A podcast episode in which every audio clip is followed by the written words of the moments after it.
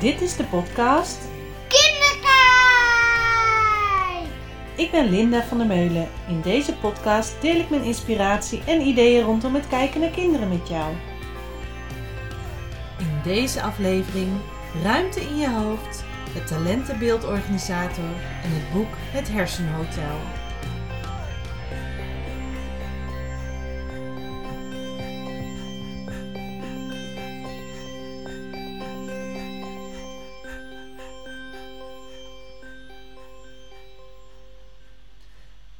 Voel ik mij ontzettend dankbaar dat je weer luistert naar deze nieuwste podcastaflevering. Ik heb de laatste weken regelmatig van mensen vooral live gehoord. Niet eens berichtjes, maar echt live van... Goh Linda, eh, je zit heel vaak in mijn oren. Ik luister je heel vaak. Of eh, ik luister regelmatig naar je stem. En dat vind ik ontzettend fijn om terug te krijgen.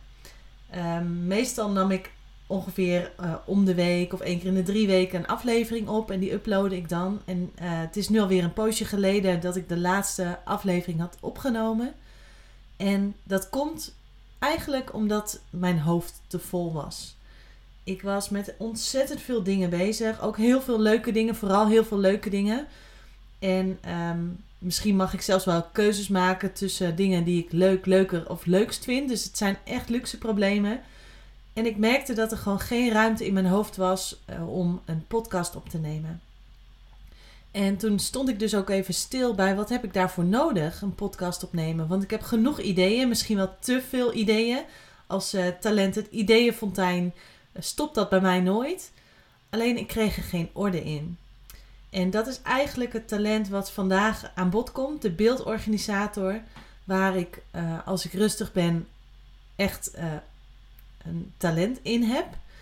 Alleen als ik uh, mijn planning te vol is en ik geen ruimte heb om dingen te verwerken, om dingen uit te werken, dan uh, kom ik daar dus niet aan toe. Want wat ik normaal doe voor een podcastaflevering is even rustig zitten. Wat wordt het onderwerp? Daar uh, typ ik een paar woorden over en dan klets ik zo na 20 minuutjes, half uur vol. Ik plan dat ook niet heel strak. Ik zet niet van tevoren alles op papier. Ik praat gewoon nou ja, vanuit mijn hoofd, de ideeën die ik op dat moment heb. En ik merk als ik dat, um, die rust in mijn hoofd niet heb, komt er dus helemaal niks uit. Dus wat belangrijk is voor mij, is dat ik dus af en toe even de rust en de tijd neem om dingen te ordenen. Om um, dingen op papier te zetten, dingen uit te werken die ik al um, tijden heb liggen, zeg maar. Nou, een van de tips die mij daarbij helpen is uh, dat ik een uitwisbaar notitieboekje heb. Ik maak altijd heel veel aantekeningen, ook uh, omdat ik van mezelf weet, als ik iets niet opschrijf, dan vergeet ik het. En niet alle aantekeningen zijn altijd heel belangrijk.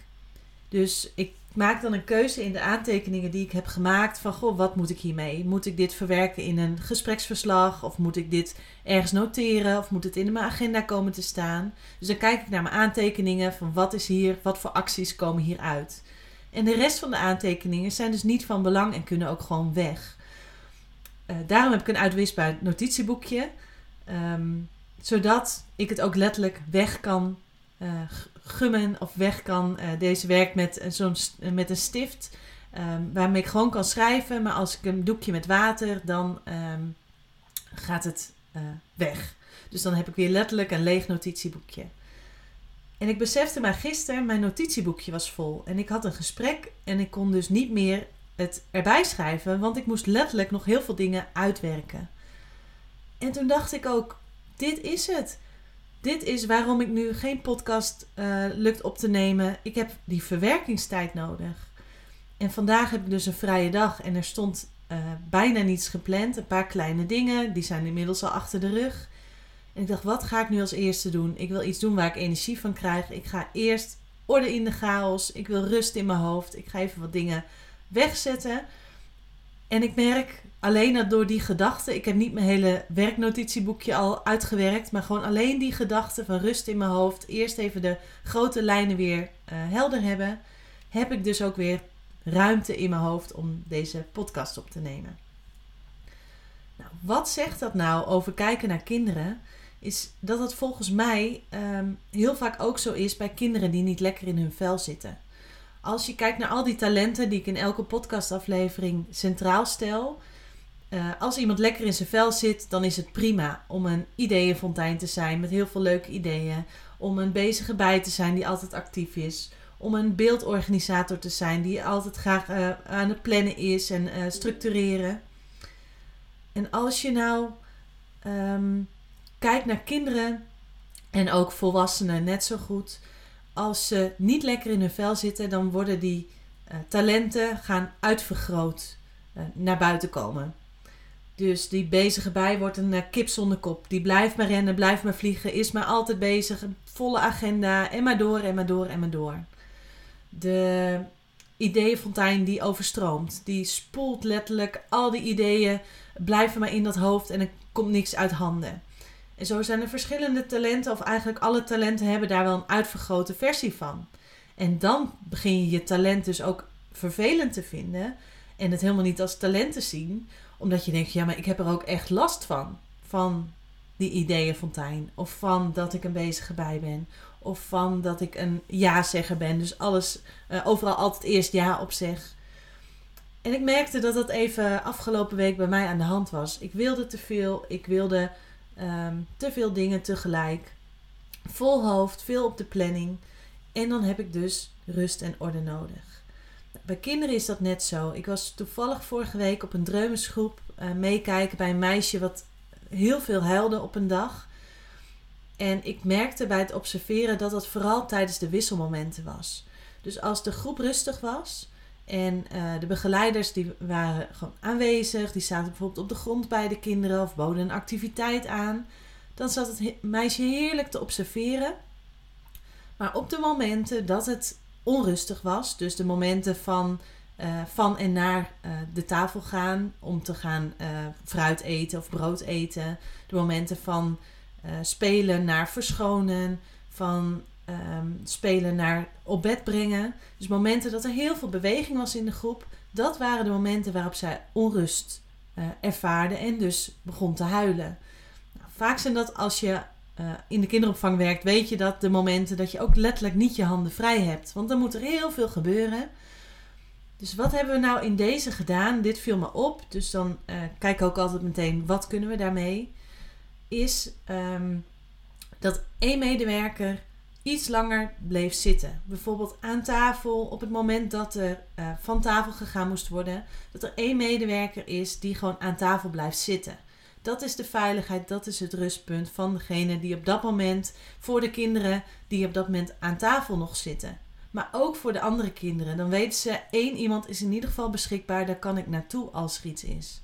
Nou, de andere medewerkers gingen dus gewoon door met verschonen, kinderen naar bed brengen, afruimen, noem maar op. En die medewerker die zit kan ook prima alvast wat klusjes vanuit die zitplek doen of uh, met kinderen aan de slag. En dat gaf zoveel rust en ruimte. En toen bedacht ik me dus gisteren, toen ik mezelf bewust werd wat er met mij aan de hand was, dat ik dacht, dat is met zo'n kind net zo. Hoe zou jij het vinden als je je verplaatst in zo'n meisje en um, je bent het gewend om de meeste dagen, want dit meisje komt ook maar één dag, de meeste dagen thuis te zijn in alle rust en overzicht. En je papa of mama is 90% van de dag bij jou in de buurt. En dan kom je op een kinderopvanggroep met nog uh, eh, 14 andere dreumissen, met drie volwassenen als begeleider. En um, hoe onveilig zou het dan voelen als ineens van alles gebeurt om je heen en je weet niet bij wie je terecht kan, want alle begeleiders lopen ook rond. En hoe mooi is het dan als je dan kan kijken naar zo'n kind en kan denken: Goh, zou dit kunnen helpen? Nu was ik van de week weer bij ditzelfde meisje te observeren om te kijken hoe gaat het dan nu? Uh, helpt het de interventies die we dan doen of helpt het de plannetjes die we maken en doen? En het was een wereld van verschil. En dat vind ik wel echt de grote kick van mijn werk. Dat je dan door te kijken naar de kinderen, door te kijken wat hebben ze nodig, um, zo'n verschil kan maken. En dat geldt hetzelfde voor jou als je uh, pedagogisch medewerker bent, of leerkracht, of moeder bent. En um, misschien ook wel, net als ik, een bezige bij en altijd actief bezig. Dan is het zo belangrijk om voor jezelf die rustmomentjes te bewaken. En die rustmomentjes zowel tijdens de dag als gewoon tijdens je week. Dat je momentjes voor jezelf hebt waarin je weer kan opladen.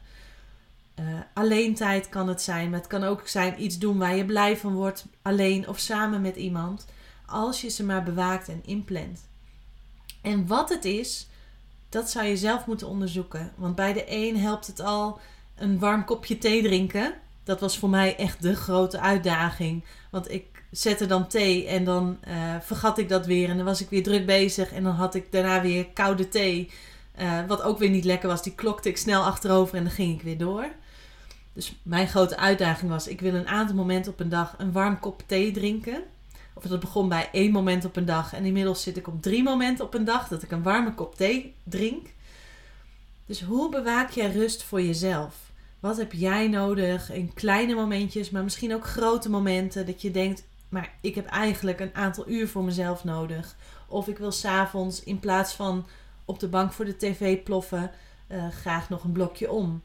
Of ik wil graag ehm, een dag in de week ruimte voor mezelf om de dingen te doen uh, waar ik blij van word.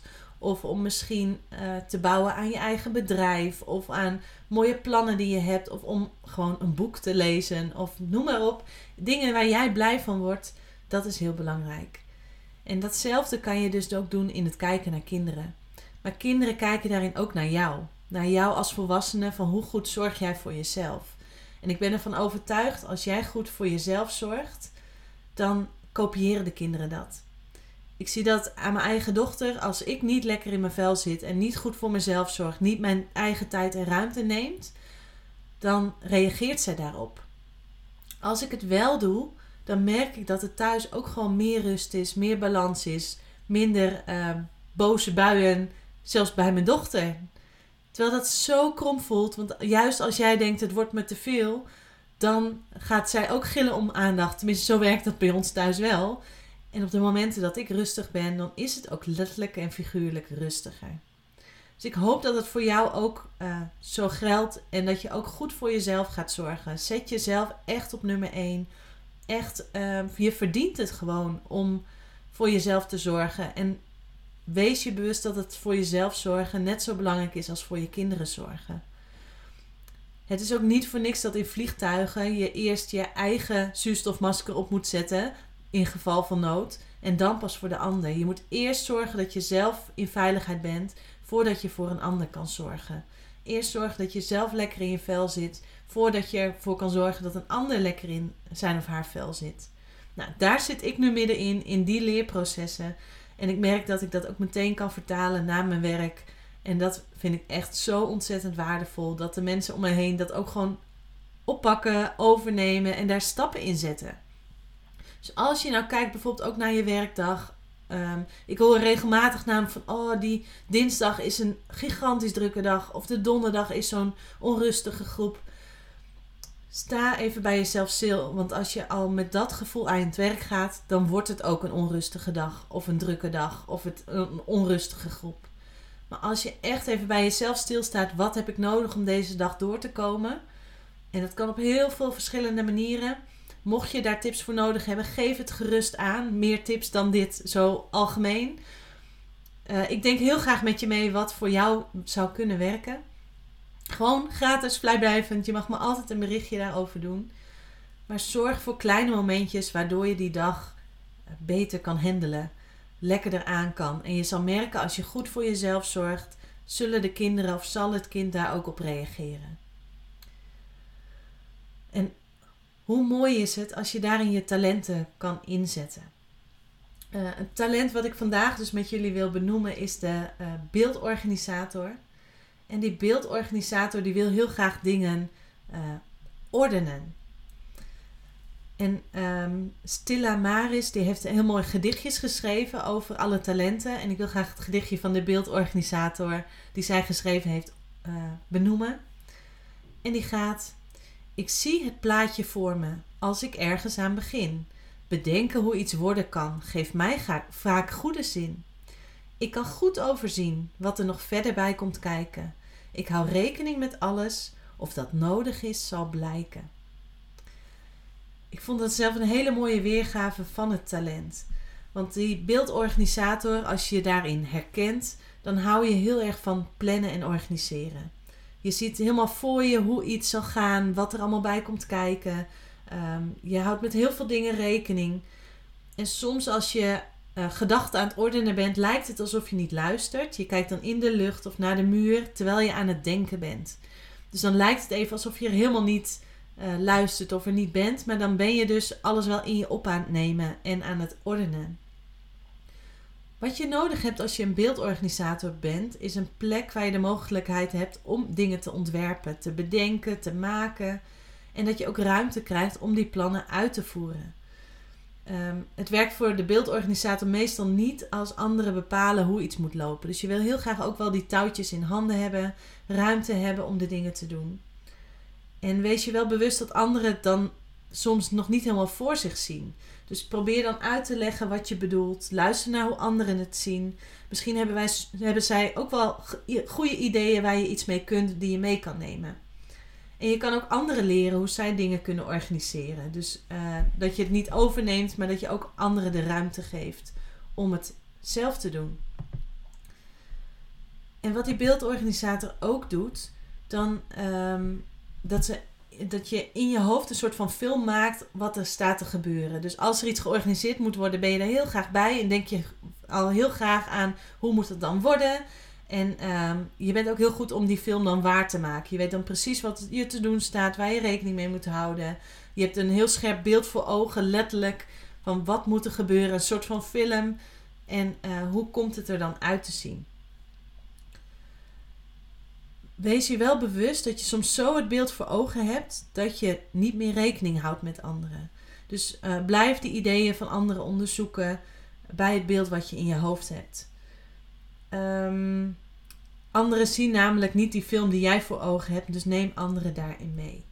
Maar dit is dus ook een heel mooi talent om in te zetten, in te kijken uh, wat heb ik nodig, bijvoorbeeld om die rust te vinden op een dag. Tijdens een dag werken of tijdens een dag um, alleen met je kind thuis. Of gewoon überhaupt tijdens een dag, um, misschien ook zelfs wel alleen, van hoe wil ik dat deze dag eruit ziet? Wanneer is deze dag voor mij uh, geslaagd? Of welke momenten wil ik in ieder geval aan die dag toevoegen?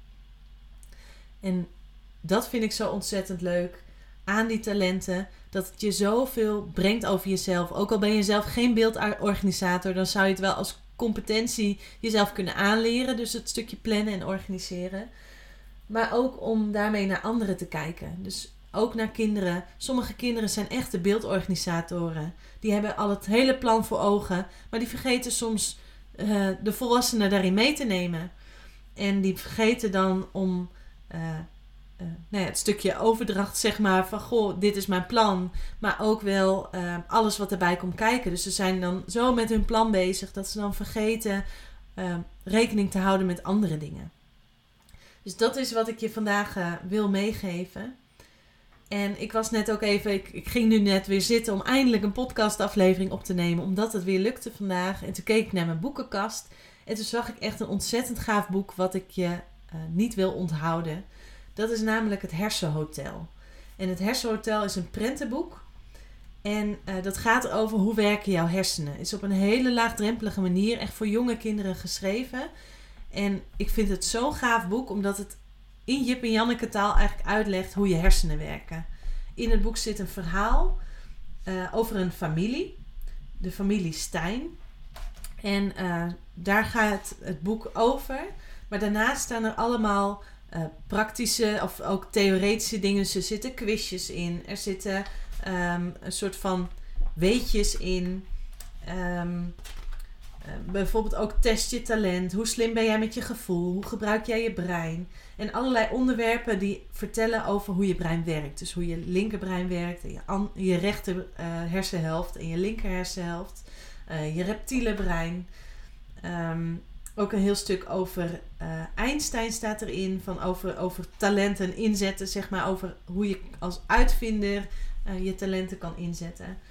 Dus dat vind ik echt heel gaaf. Een boek om te delen. Vooral uh, kinderen in de schoolleeftijd. Ehm, mocht je daarmee werken of daarmee te maken hebben als moeder of als tante of oma, noem maar op. Dit is echt een aanrader om met kinderen over in gesprek te gaan, over, eh, om ze te lezen, om ze meer hierover bekend te laten worden. Want hoe gaaf is het als je onderzoekt hoe jouw brein werkt, hoe het ontstaan is, dat het zowel uh, een deel van het brein dus nog vanuit die oertijd, toen we nog oermensen waren, ontstaan is. Maar ook in de jaren daarna, in die duizenden jaren, de afgelopen duizenden jaren, is ons brein natuurlijk verder ontwikkeld. En uh, dat staat in dit boek. Dat wilde ik je zeker meegeven, omdat het ook heel erg gaat over die rust vinden, de orde vinden. Hoe zorg ik ervoor dat mijn brein het beste functioneert? Want het is nu jouw leven en dit is jouw dag. Weer een mooie dag van je leven vandaag. En uh, waar je dankbaar voor zijn, uh, mag zijn. Ik ben in ieder geval heel dankbaar dat je deze podcast geluisterd hebt. Heb je hier vragen of ideeën over? Deel het alsjeblieft. Je mag me altijd een berichtje doen. Of uh, aanspreken mag ook, mocht je me ergens tegenkomen tijdens een workshop of een training of op mijn werk. Laat het alsjeblieft weten. En ook als je ideeën hebt, uh, deel het. Want het is uh, echt de moeite waard om dat te doen. Ik wens je voor nu een hele fijne dag en maak er wat moois van. Zorg voor rustmomentjes voor jezelf en daarmee ook voor de anderen. En dan tot de volgende podcastaflevering. Bedankt voor het luisteren van deze podcast. Wil je geen aflevering missen? Abonneer je op deze podcast. Heb je vragen of ideeën voor een volgende keer? Laat het mij weten via www.kinderkijk.com of Kinderkijk op Facebook of Instagram. Denk je dat deze podcast interessant is voor anderen? Laat een review achter of deel hem. Doeg!